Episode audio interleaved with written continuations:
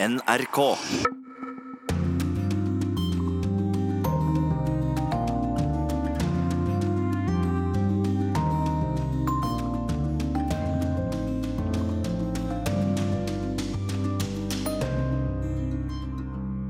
Mr. President, I will vote to confirm Judge Kavanaugh.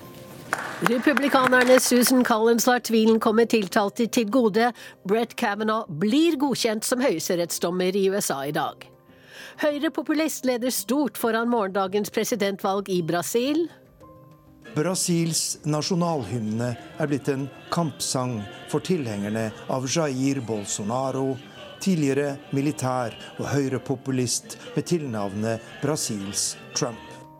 Og i Pakistan trosser Svartdalens eneste kvinnelige journalist familiens bønn om at hun skal slutte. When my mom uh, saw my reports on TV, she called me. Leave, please. For God's sake, leave this film. I said no. Vi får siste nytt fra jordskjelvområdet i Indonesia, møter optimistiske armenere i Jerevan og åpner korrespondentbrevet fra Moskva. Vel møtt til Urix på lørdag, jeg heter Wenche Eriksen. Etter noen turbulente uker ser det altså ut til at president Donald Trump kan innkassere en stor og viktig seier. Alt tyder på at Senatet i kveld norsk tid kommer til å gi sitt endelige ja til at Brett Kavanaugh blir ny høyesterettsdommer i USA. I går rykket han et siste skritt nærmere. And just take a look at what's going on. Democrats have been trying to destroy Judge Brett Kavanaugh since the very first second he was announced. Det var allerede i juli at president Donald Trump kunngjorde at han nominerer konservative Brett Kavanaugh til ny høyesterettsdommer i USA. 53-åringen er i dag dommer ved den føderale ankedomstolen i Washington, og er tenkt å erstatte dommeren Anthony M. Kennedy, som har ligget mer mot midten som en moderat konservativ mellom fire konservative og fire liberale dommere. Høyesterett består av totalt ni dommere. Kavanaugh regnes som langt mer konservativ enn han han skal erstatte, og det har skapt debatt. Nå i innspurten har han blitt anklaget for seksuelle overgrep, og det hele toppet seg i forrige uke, da en halv dag ble satt av i Senatets justiskomité til å høre vitnemålet til dr. Blasey Ford. I believed he was going to rape me. I tried to yell for help.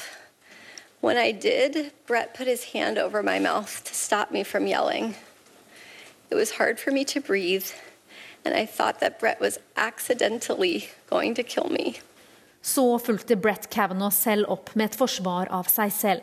Flere reagerte på hans evne til å kontrollere følelsene. I liked beer. I still like beer. But I did not drink beer to the point of blacking out,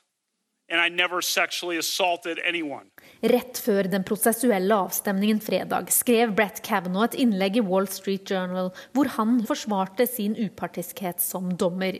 Men hele denne prosessen har splittet både Senatet og det amerikanske folk. This is the most unethical sham since I've been in politics. I USA har Høyesterett endelig myndighet til å tolke og avgjøre spørsmål om føderale lover.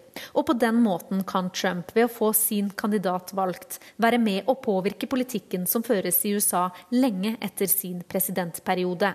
Dommerne her blir nemlig utnevnt på livstid.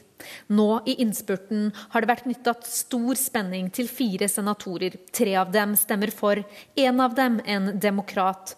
Og en republikansk senator har varslet at hun stemmer mot Brett Kavanaugh.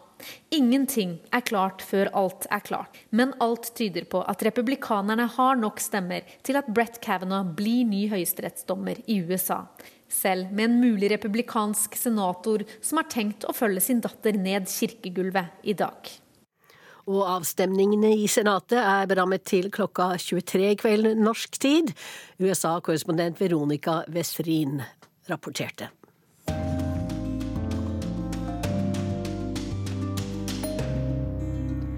I Brasil fosser høyrepopulisten Jair Bolsonaro frem på meningsmålingene foran morgendagens presidentvalg. De siste målingene gir Bolsonaro rundt 40% av stemmene, og han kan avgjøre valget allerede i første valgomgang. Men mest sannsynlig blir det en valgomgang nummer to om tre uker. Arnt Stefansen har sendt oss denne reportasjen fra Rio de Janeiro. Brasil, Aldri før i mine 13 år i Brasil har jeg hørt denne sangen så ofte som de siste ukene. Brasils nasjonalhymne er blitt en kampsang for tilhengerne av Jair Bolsonaro, tidligere militær og høyrepopulist med tilnavnet Brasils Trump. Her i Rio er noen tusen tilhengere samlet for å hylle mannen de håper blir landets neste president, og de krever orden og fremgang, slik det står på det brasilianske flagget som vaier overalt under markeringen. Ele com o povo vai fazer muita coisa, porque ele não, ele é honesto, ele é militar. Sammen med folket vil han få til mye, sier en av deltakerne i demonstrasjonen. Bolsonaro er ærlig, og han er militær. De militære vet hvordan man skal ta vare på og behandle folk. De militære gjorde tusen ting her i Brasil som var bra, men de sivile har ødelagt landet, sier mitt intervjuobjekt, som oppgir navnet Maria Brasilianer når jeg spør henne hva hun heter.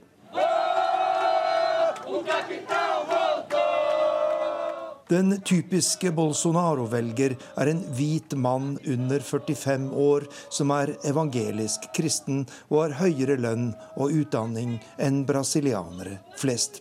Det viktigste ordet i valgkampen har vært modanza, forandring, og de siste dagene har Bolsonaro økt kraftig på meningsmålingene. Det store spørsmålet er nå om man kan avgjøre valget allerede i første valgomgang i morgen.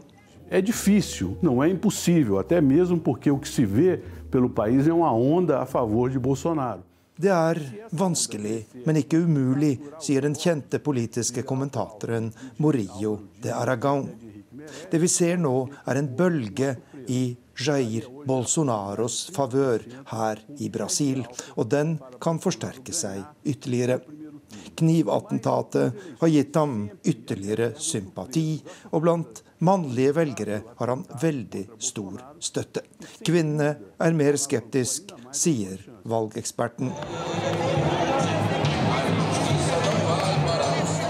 Men fortsatt tror ekspertene at verken Bolsonaro eller andre vil nå 50% av de gyldige stemmene i første valgomgang, og at det derfor går mot en ny omgang tre uker senere.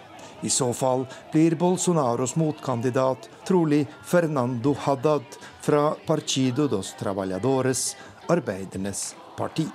Han erstatter Brasils tidligere president Lula da Silva, som sitter i fengsel etter en korrupsjonsdom.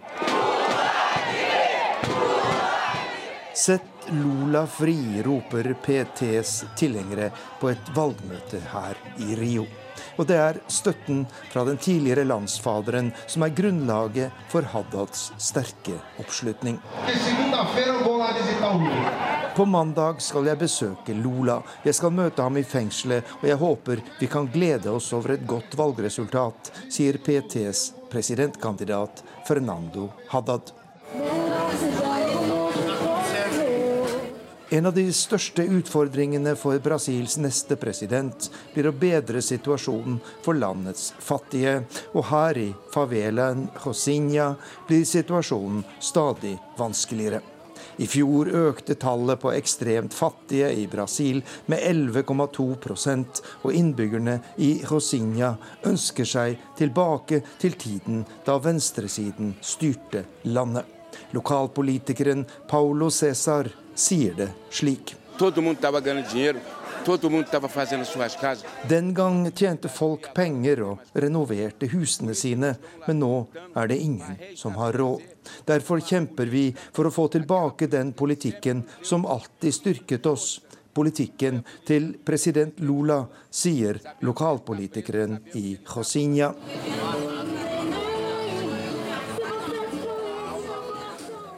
Det blir mer om Brasil i podkasten Krig og fred i slutten av denne sendingen. Da spør vi om folk lengter tilbake til militærdiktaturet, eller til fremtiden de alltid har ventet på. Vel en uke etter jordskjelvet og flodbølgen på øya Sulawesi begynner naturkatastrofene i Indonesia å forsvinne fra nyhetsoverskriftene. Minst 1649 mennesker er nå døde, og hundrevis er fortsatt savnet. Men for de som overlevde, må livet gå videre. Før sending snakket jeg med korrespondent Kjersti Strømmen i Palu, byen som ble verst rammet, og hun forteller at det er noe som så smått har begynt å fungere igjen. Ja, det er faktisk kommet uh, mer mat, i, og noen små butikker har åpna. Det er strøm tilbake i deler av byen, og flyplassen har jo nå vært uh, virksom i noen dager. Så her er det òg nå i det siste uh, kommet inn litt nødhjelp. I dag har det kommet et fly fra australsk Røde Kors med forsyninger til lokalbefolkningen, og i går kom det et fly også fra New Zealand svensk Røde Kors. Så her er man da i ferd med å komme inn fra utlandet med hjelp til de jordskjelvrammede. Hva slags hjelp er det som kommer? Nei, Det viktigste er vann og mat. Men de kommer også med generatorer for å gi strøm. Og de kommer med tepper og eh, ting som gjør at de kan begynne å ta litt livet tilbake. Her er det jo veldig veldig mange mennesker som har mista hjemmene sine og alt de eier og har, og eh, har bare det de hadde på seg da det ramma. Så her trenger de absolutt alt. Men eh, som du sier, mange har mistet alt, men folk gjør vel det de kan for å gjenopprette en slags hverdag for seg selv. Har du sett eksempler på noe sånt? Ja, jeg har jo sett at det, de som har fått strøm og har eh, små butikker, har eh, starta opp disse. Men det er veldig mange som har livet på hold. Noen eh, løper jo rundt og prøver så godt de kan å finne sine kjære som er forsvunnet. De reiser til sykehus og de reiser til flyplassen og prøver å få tak i naboer som var der de, deres kjære var når jordskjelvet ramma. Men så er det òg folk som har satt seg til her ute ute ved flyplassen som jeg står nå, fordi at de er redde for at det skal komme et nytt jordskjelv. De har eh, prøvd å komme seg ut av området, men mange har jo ikke penger til å kjøpe billetter. Og det har òg eh, vært vanskelig å få plass på fly. Så folk som ikke har råd til å kjempe seg gjennom den køen, de har eh, slått seg til her i håp om at de skal være nærmere det som kommer inn av eh, nødhjelp, og at de òg skal være nærmere muligheten til å bli evakuert dersom det skulle ramme et nytt jordskjelv. Det betyr at de rett og slett er redde for at eh, dette ikke er over, og at de skal måtte oppleve det samme igjen. Kjersti, du dekket også tsunamien som rammet Bandachi i Indonesia i 2004, og det var selvsagt mye mer omfattende. Men hvordan vil du sammenligne indonesiske myndigheters håndtering da og nå?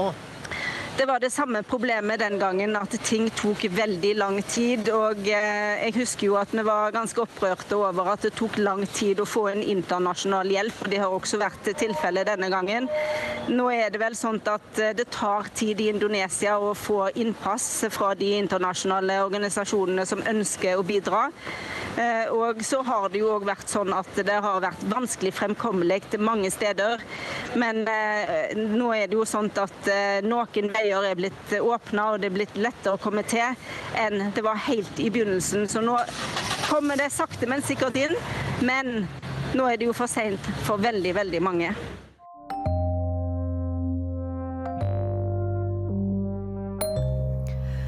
Vi skal til Svatdalen nord i Pakistan, kanskje mest kjent for de fleste som stedet der fredsprisvinner Malala Yousafzai kom fra. Der har korrespondent Sissel Wold møtt en annen modig kvinne. Hun heter Shaista Hakim og er Svatdalens eneste kvinnelige journalist. Moren min trygler meg om å forlate yrket hele tiden, men jeg vil ikke gi opp, sier hun. For Hakim får kvinner til å fortelle om både såkalte æresdrap og om barneekteskap. Dødsdømt ørret basker rundt i en hvit bøtte. Vi er på et oppdrettsanlegg for en helt spesiell type ørretfisk i Svartdalen, helt nord i Pakistan. Og det er her jeg treffer Shaista Hakim. Rundt oss er det mange menn. Bare menn. Hun har dekket til håret og også en del av ansiktet, slik alle kvinnene i Svatt gjør.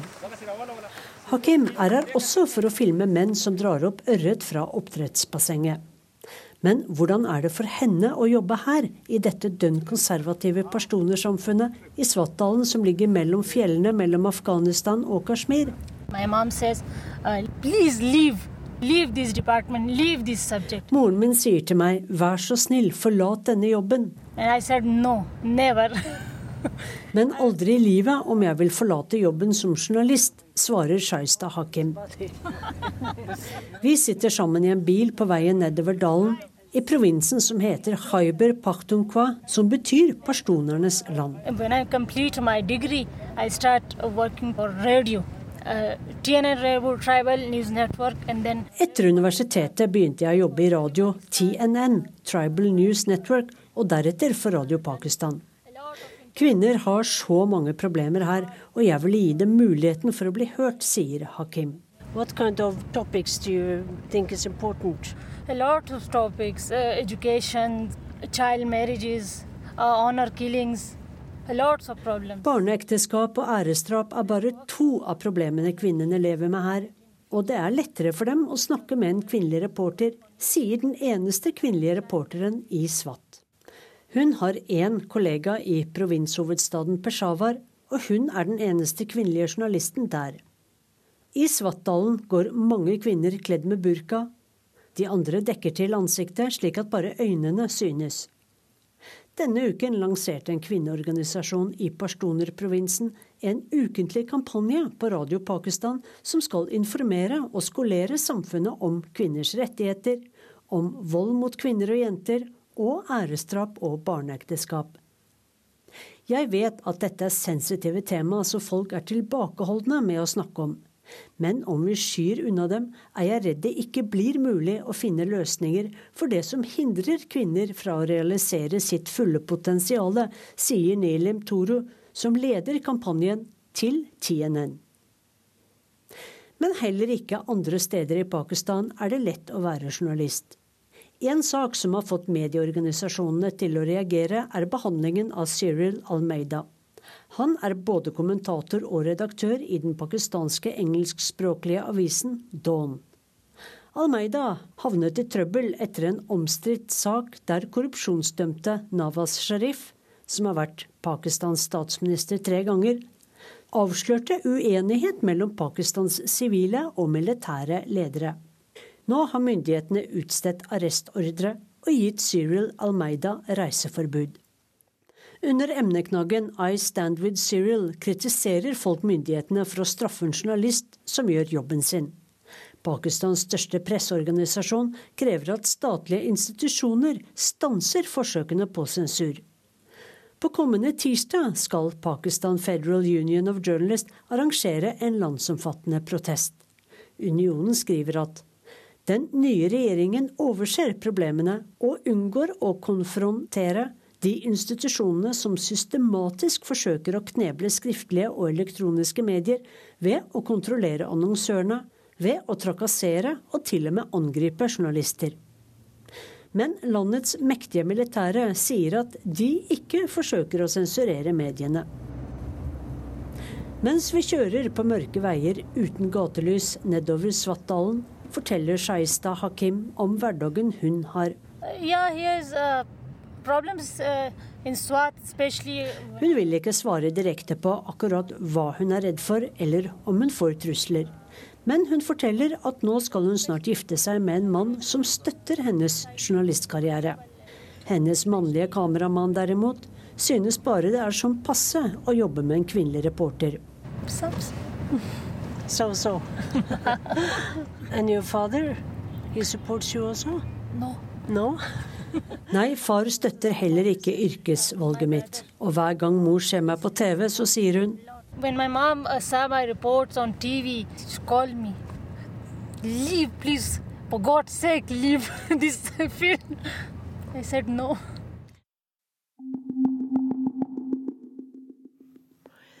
Natt til onsdag ble den tidligere sovjetstaten Armenia satt på kartet da titusenvis demonstrerte utenfor parlamentet.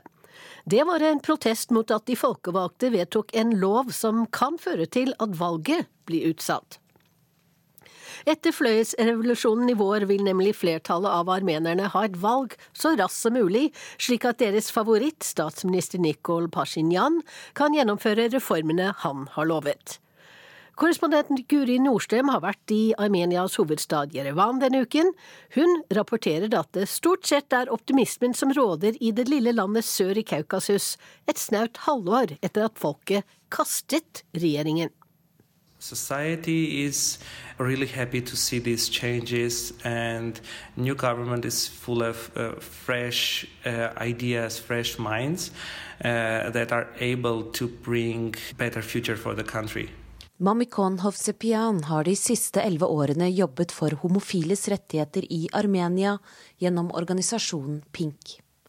På Menneskerettighetshuset i Jerevan må han fortsatt klype seg i armen for å forstå hva som skjedde under den fredelige og folkelige revolusjonen i våres. That's still mystic for all of us. Sometimes I call it unbelievable revolution. And when it happened, we understood that nothing will stop. I april var han aktiv ute i gatene under demonstrasjonene mot det daværende regjeringspartiet. Arbeidsløshet, utvandring, korrupsjon og lav tillit til statlige institusjoner har preget det lille landet i Kaukasus. Sammen med generalstreiker førte demonstrasjonene til at regjeringen til slutt måtte gå, og en svært populær mann, Nikol Pashinyan, gikk fra rollen som opposisjonsleder til statsminister. Fortsatt er entusiasmen rundt den tidligere journalisten og redaktøren stor, og portrettet av ham er å se på klistremerker, T-skjorter og skyggeluer over hele hovedstaden. Likevel er han fortsatt ikke i mål. Statsminister Pashinyan trenger et nyvalg så raskt som mulig, slik at han kan få flertall i parlamentet, og dermed gjennomføre reformene han har lovet folket. Denne uka derimot forsøkte parlamentet å utsette valget til etter jul. Men da tok folket til gatene igjen, for første gang siden mai. En av dem var Aram Tynyan. Because we see in his way of uh, ruling country more transparent, more fair, because we need changes in our society. Å finne kritiske stemmer til det som foregår, er ikke lett men tolken Aram Oanian er en av dem. I can't believe in promises of a paradise overnight. Selv er han bekymret for utviklingen. Oh, definitely. I'm, I'm worried about the developments because um, there is a lot of uncertainty and unpredictability. Because we see that the new prime minister is trying to replace people in the government and uh, substituting them with people who are faithful to him. He is not interested in their professionalism. Han mener mange ikke tør å si det de egentlig mener. You know, we have had 70 years of Soviet rule, um, and we are used to it.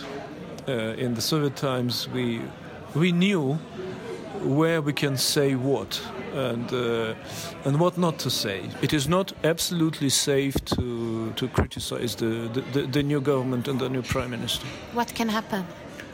Um, people may may scold you, they may insult you.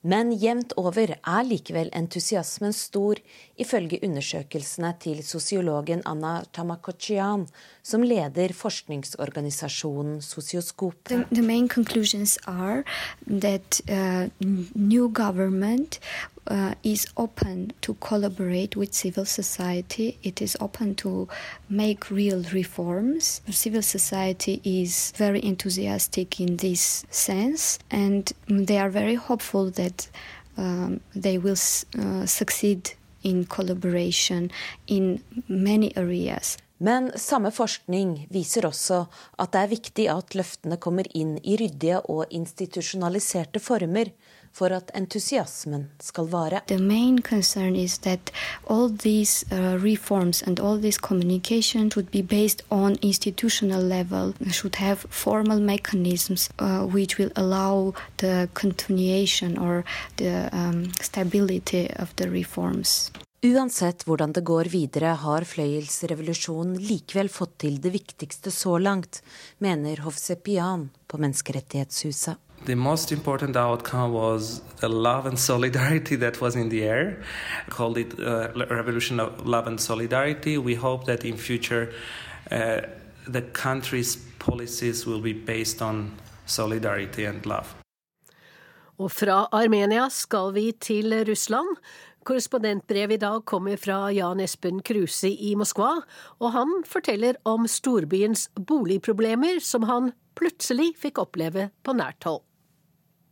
Det er nesten ikke til å tro, men det er faktisk mer enn 30 år siden jeg var korrespondent i den russiske hovedstaden forrige gang. Siden den gang har NRK skiftet fast russisk fotograf flere ganger.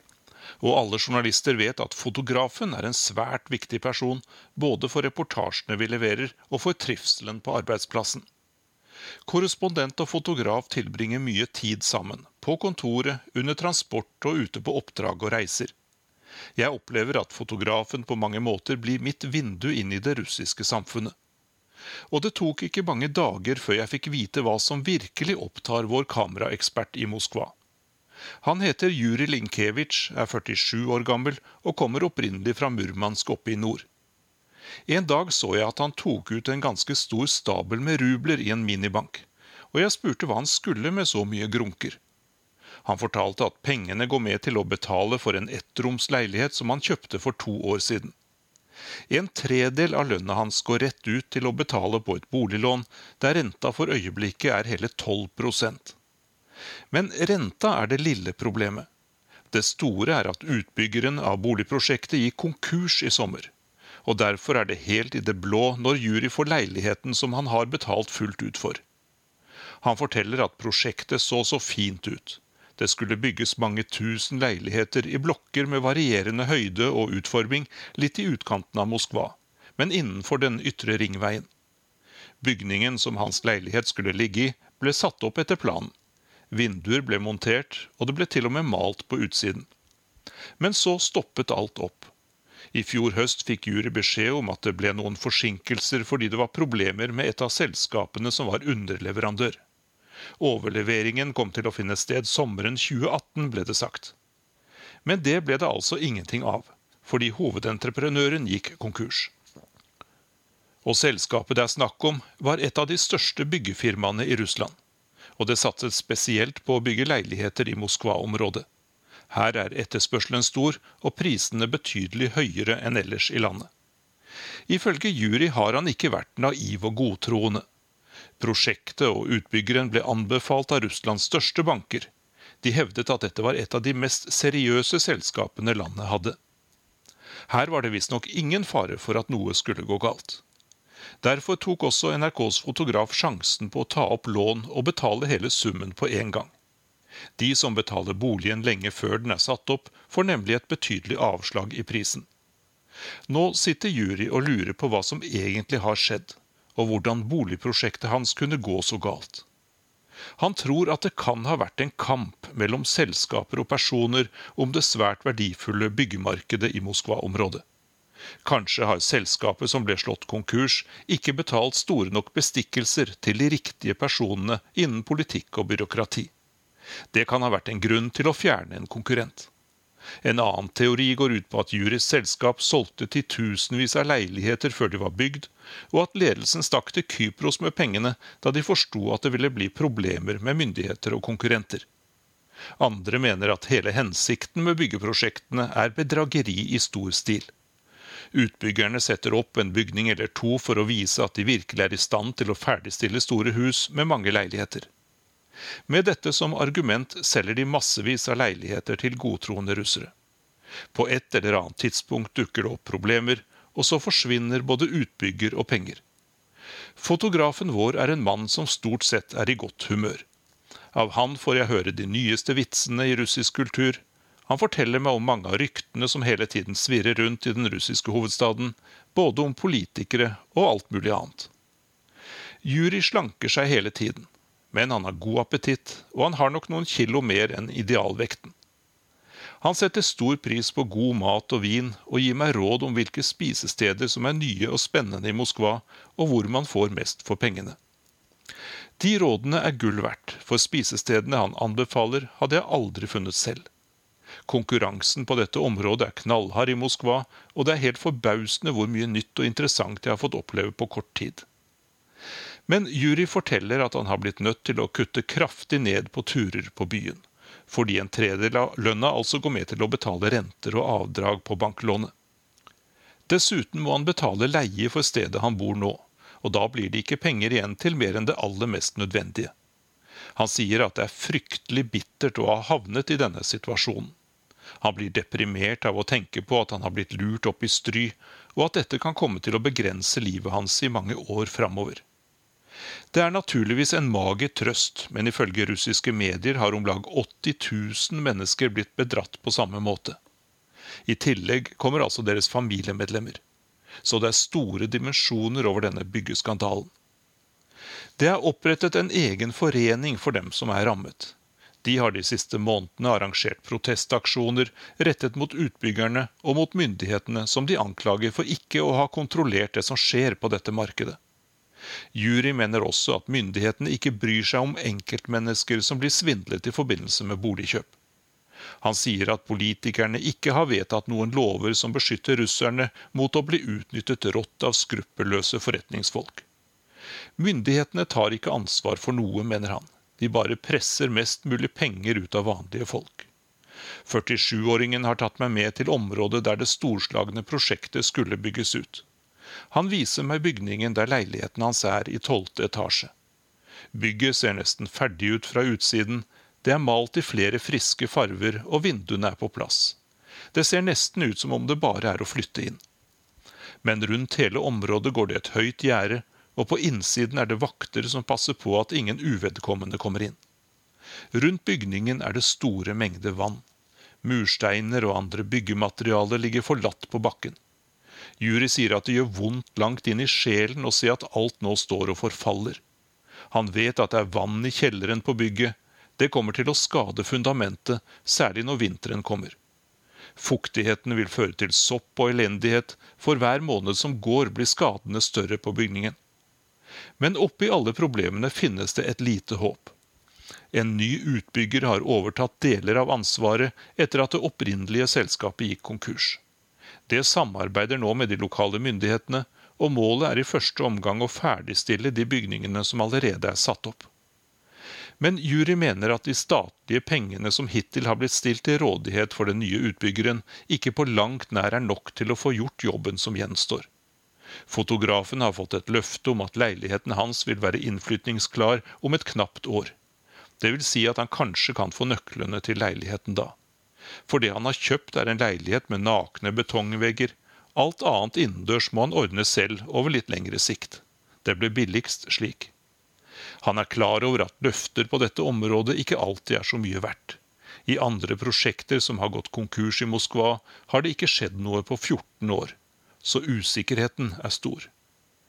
Pga. den store boligskandalen i Moskva og en generell nedgang i økonomien forteller jury at leiligheten hans har falt en god del i verdi i løpet av de to årene som har gått siden han betalte for den. Likevel regner han med å måtte betale en del ekstra til selskapet, som etter hvert forhåpentligvis skal sette bygningen i stand. Det er ille å føle seg så grundig lurt og ikke kunne gjøre noen ting for å komme seg ut av situasjonen, sier han. Og jeg kan ikke gjøre annet enn å føle med min gode kollega. Jeg visste jo fra før at russiske forbrukere ikke er spesielt godt beskyttet av lovgivningen. Men det er noe helt annet når denne svært brutale formen for kapitalisme og økonomisk bedrag kommer helt innpå meg i mitt nye liv som korrespondent i Moskva. Sa også Jan Espen Kruse. Vi skal tilbake til Brasil og spør lengter folk tilbake til militærdiktaturet på 60-, 70- og 80-tallet, eller til fremtiden som demokratisk økonomisk stormakt de alltid har ventet på. Tove Bjøgaas har laget denne ukens podkast Krig og fred. Jeg har liksom alltid hørt at Brasil en dag skal bli en virkelig demokratisk stormakt. Framtida alltid rett rundt hjørnet? Ja, at de liksom lengter etter framtida, den evige framtidas land, kaller de seg. Men tar jeg feil når jeg får inntrykk av at nå lengter de litt bakover også? Ja, nå er det valg, og da lefler de også litt med militærdiktaturet de hadde på 60- og 70-tallet. Tilbake til Framtida. Eller fortida? Et salig kaos. Krig og fred. En podkast fra NRK Urix.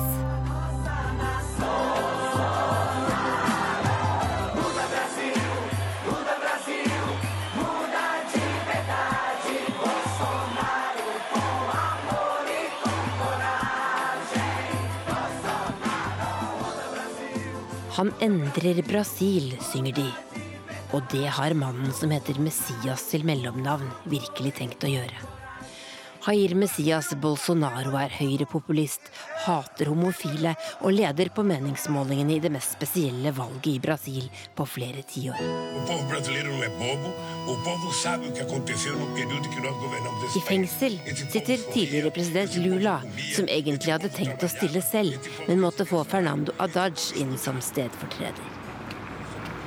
Og i Hausmanns gate i Oslo sitter en kvinne fra Brasil som godt kjenner den der fremtidsdrømmen brasilianere alltid har drømt. Hei. Hei. Er du Clarice? Hei. Hei. Hyggelig. Så flott. Hva er jobben din? Jeg jobber med asyl. Du er saksbehandler? Ja, er saksbehandler. Jeg heter Clarice Carvalho. Jeg er fra Brasil, har bodd her i Norge litt over tolv år.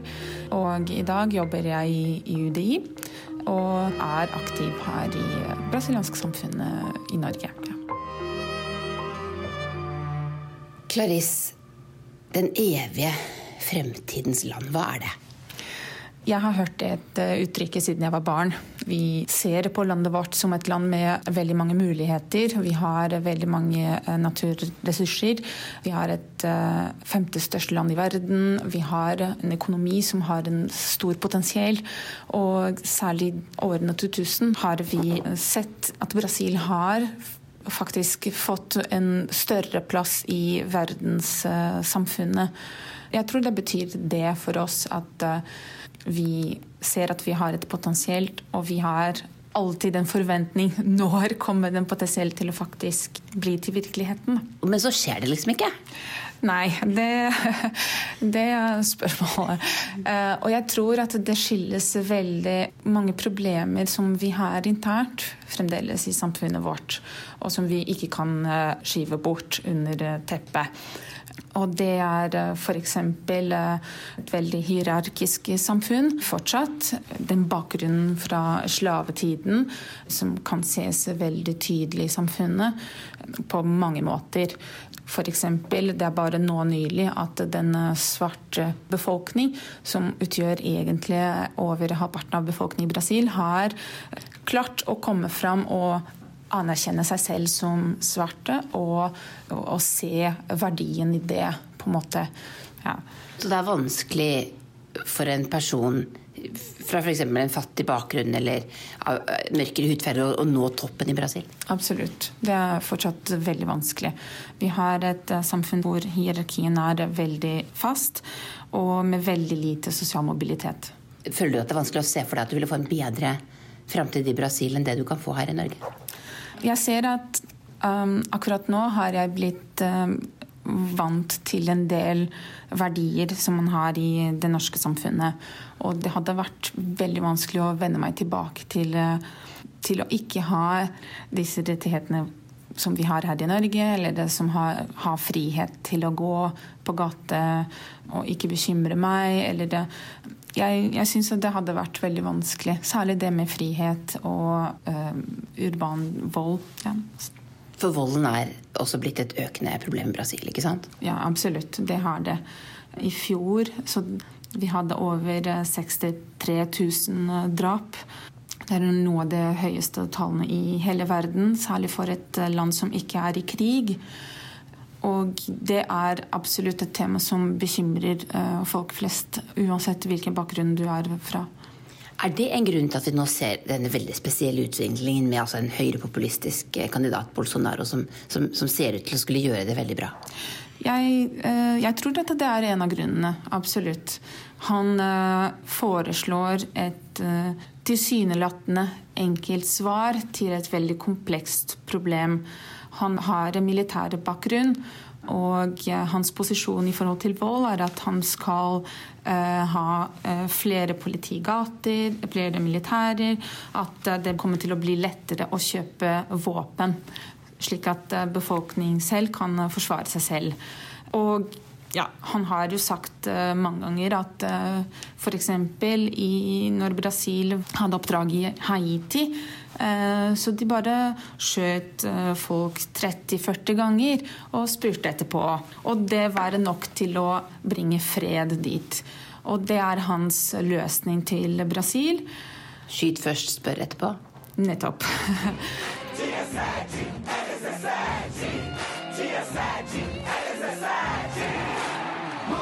eh, Bolsonaro har noen, noe som jeg vil kalle fascistiske trekk. Altså den her voldsforherligelsen. Mye snakk om at demokratiske rettigheter kommer til å bli begrenset. Bare historien til Bolsonaro. Han har vært 20 år i Kongressen, han har vært i åtte forskjellige partier. Han bytter parti som det passer ham. Og han har brukt den tiden i stor grad til å kjempe for de militæres rettigheter. Kjempe mot menneskerettigheter og for økt bruk av vold, og ikke minst tortur. Jeg heter Benedicte Bull. Jeg er professor i statsvitenskap på Senter for utvikling og miljø, og leder Norsk nettverk for latinamerikaforskning. Hvor spesielt er dette presidentvalget i Brasil? Det er veldig spesielt, og det dreier seg om hva som har skjedd i forkant først og fremst eh, voldsomme korrupsjonsopprullingssaker som begynte under president Lula, med den såkalte Mensalao-saken, som viste at man hadde betalt jevnlige kongressrepresentanter for å stemme på sin side. Så kommer hele Lavajato, altså bilvasksaken, eh, som ruller opp milliard, i hvert fall million korrupsjonssaker mellom statlige myndigheter og de statlige selskapene og private aktører. Og det har jo fått konsekvenser langt utenfor Brasils grenser, med kjempeselskap selskapet Odebrecht. Og så har du avsetningen av Dilma, som ikke hadde med korrupsjon å gjøre, men som ble en del av hele denne prosessen som skapte en fullstendig manglende tillit til det brasilianske politiske systemet. I tillegg så har man hatt en økning i vold og kriminalitet mange steder. Og man har hatt en økende aksept for militarisering, men da på lokalt nivå. Men lokalt i Brasil dreier seg om byer på opptil ti millioner innbyggere, så det er jo ikke sånn småbygder vi snakker om. Lengter noen også tilbake til militærdiktaturet fra 60- og 70-tallet? Ja, det er det nok faktisk ganske mange som gjør.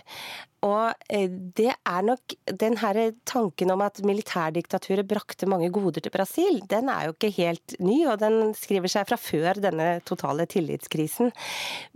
Militærdiktaturet i Brasil det var en periode med sterk økonomisk vekst, industrialisering eh, og modernisering av økonomien på mange felt. Iallfall fram til 80-tallet, hvor mye raste sammen. Og man hadde en annen orden. Det var jo også eh, enormt enorme klasseskiller. Det var en segregering av de fattige, de fargede og urfolk, og ekstremt mannsdominert samfunn.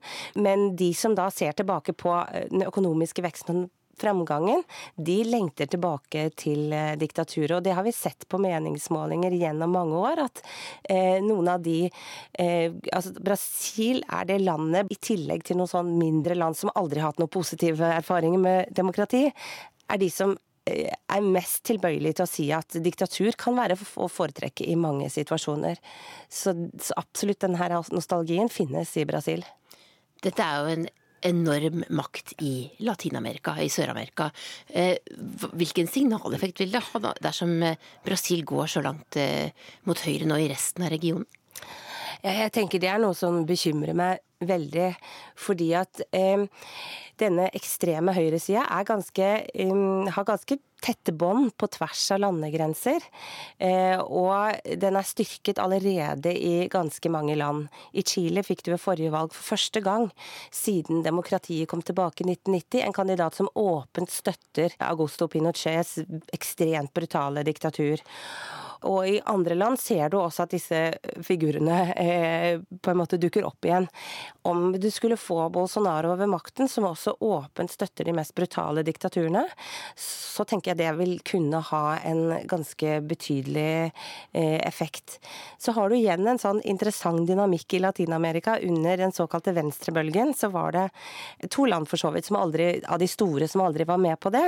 Det var Colombia og Mexico. Colombia har på en måte sin egen dynamikk, men nå ser du igjen at Mexico har gått helt andre veien enn resten av Sør-Amerika, som nå for første gang har en venstreorientert president.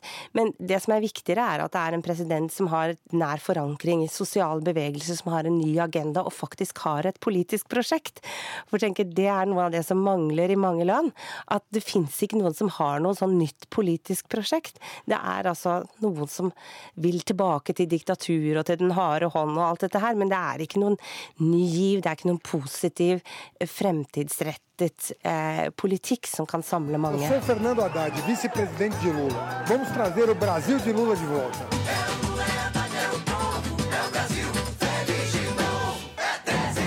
Jeg har ingen eh, problemer med å føle meg som en brasilianer eh, sammen med folka her. Noen sambadanser blir jeg aldri, men det har vel mer med, med talenter å gjøre enn med tilpassing, tror jeg. Jeg heter Arnt Stefansen. Jeg er NRKs eh, frilansmedarbeider i Sør-Amerika. Bosatt i Rio de Janeiro siden 2005. Eh, Hva er egentlig greia med, med Brasil?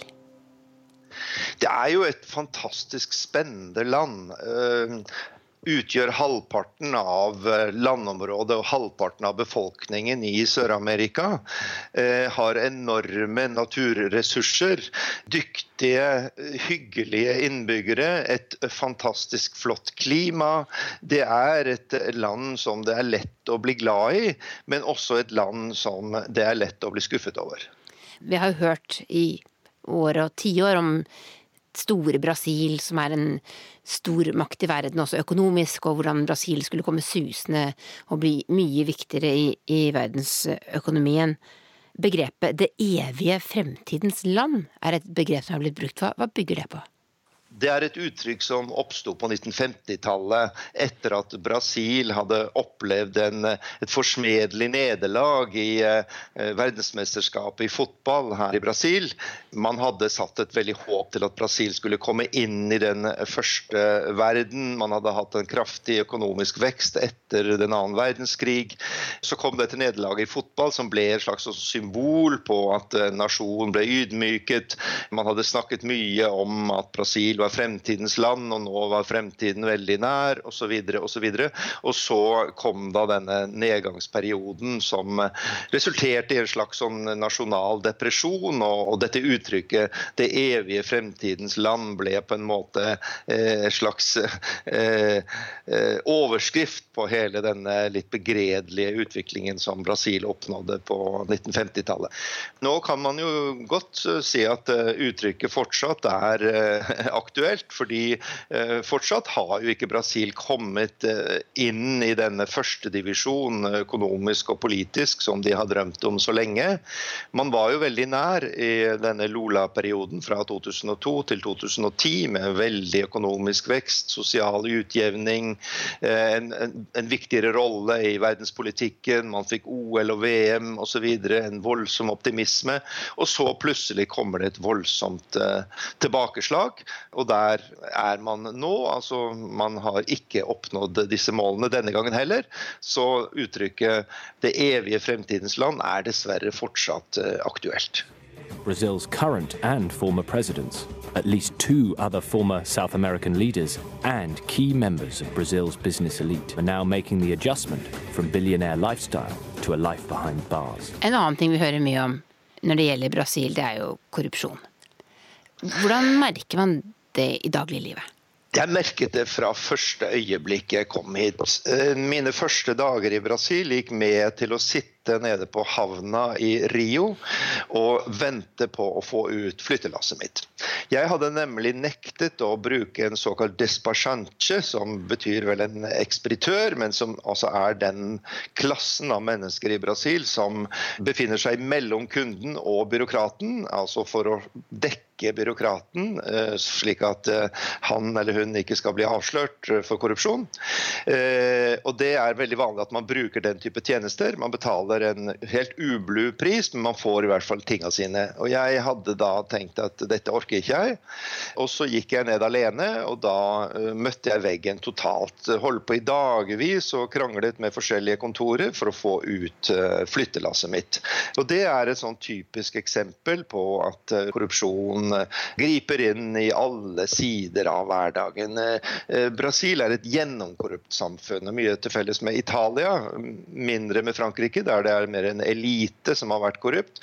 I Brasil er det en korrupsjonskultur som går veldig dypt, og som har veldig klare økonomiske, eh, historiske røtter.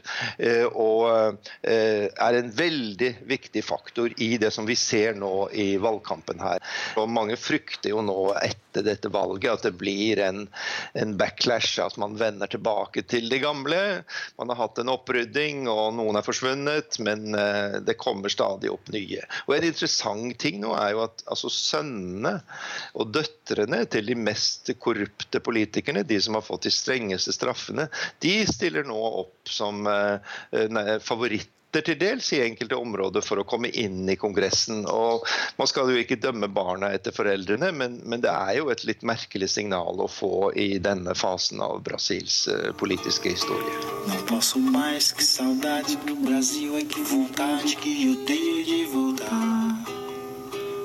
Deus América, essa terra é muito boa, mas não posso ficar porque Hva eh, må skje med Brasil for at det skal bli fremtidens land? Hva, hva, hva, skal til, tror du, for at unge brasilianere skal få en helt annen mobilitet og andre muligheter, og virkelig bli en del av en økonomisk stormakt? Jeg tror at vi trenger en uh, vesentlig endring som ikke kommer til å eh, komme nå. Det kommer til å ta veldig, veldig mange år. Vi må inkludere de i laveste delen av samfunnet, eller de med lavere utdannelse og lavere inntekt, må faktisk eh, få reelle muligheter til å komme seg opp i stien mer mobilitet, mindre uh, forskjeller, mindre ulikheter i landet. Det er jo vesentlig for at vi skal klare dette og få uh, til Brasil til en stormaktsposisjon. Hva savner du mest hjemmefra? Av stranda. Ja, eh, men jeg savner også eh, kulturen. Det er eh, helt nydelig hvor musikalsk vi er. Eh, og eh, jeg tenker på eh, noe min far skrev nå nylig på hans Facebook. At han hørte på bossa nova og tenkte på hvor fantastisk Brasil var en gang jeg tror at jeg savner det. Jeg har litt nostalgi på eh, den tiden, om den tiden fantes uh, Fordi det for veldig mange i Brasil fantes den aldri. Og det er også viktig å huske. At uh, um, for veldig mange i Brasil handler livet om å skaffe mat til barna sine hver eneste dag. Det er det som har fokus. Eh, så som sagt, jeg er veldig privilegert av å komme fra eh, middelklasse og kunne drømme om eh, strand ved å høre bossanova. Men ja, hvorvidt den Brasil er reelt for alle, det er et spørsmål.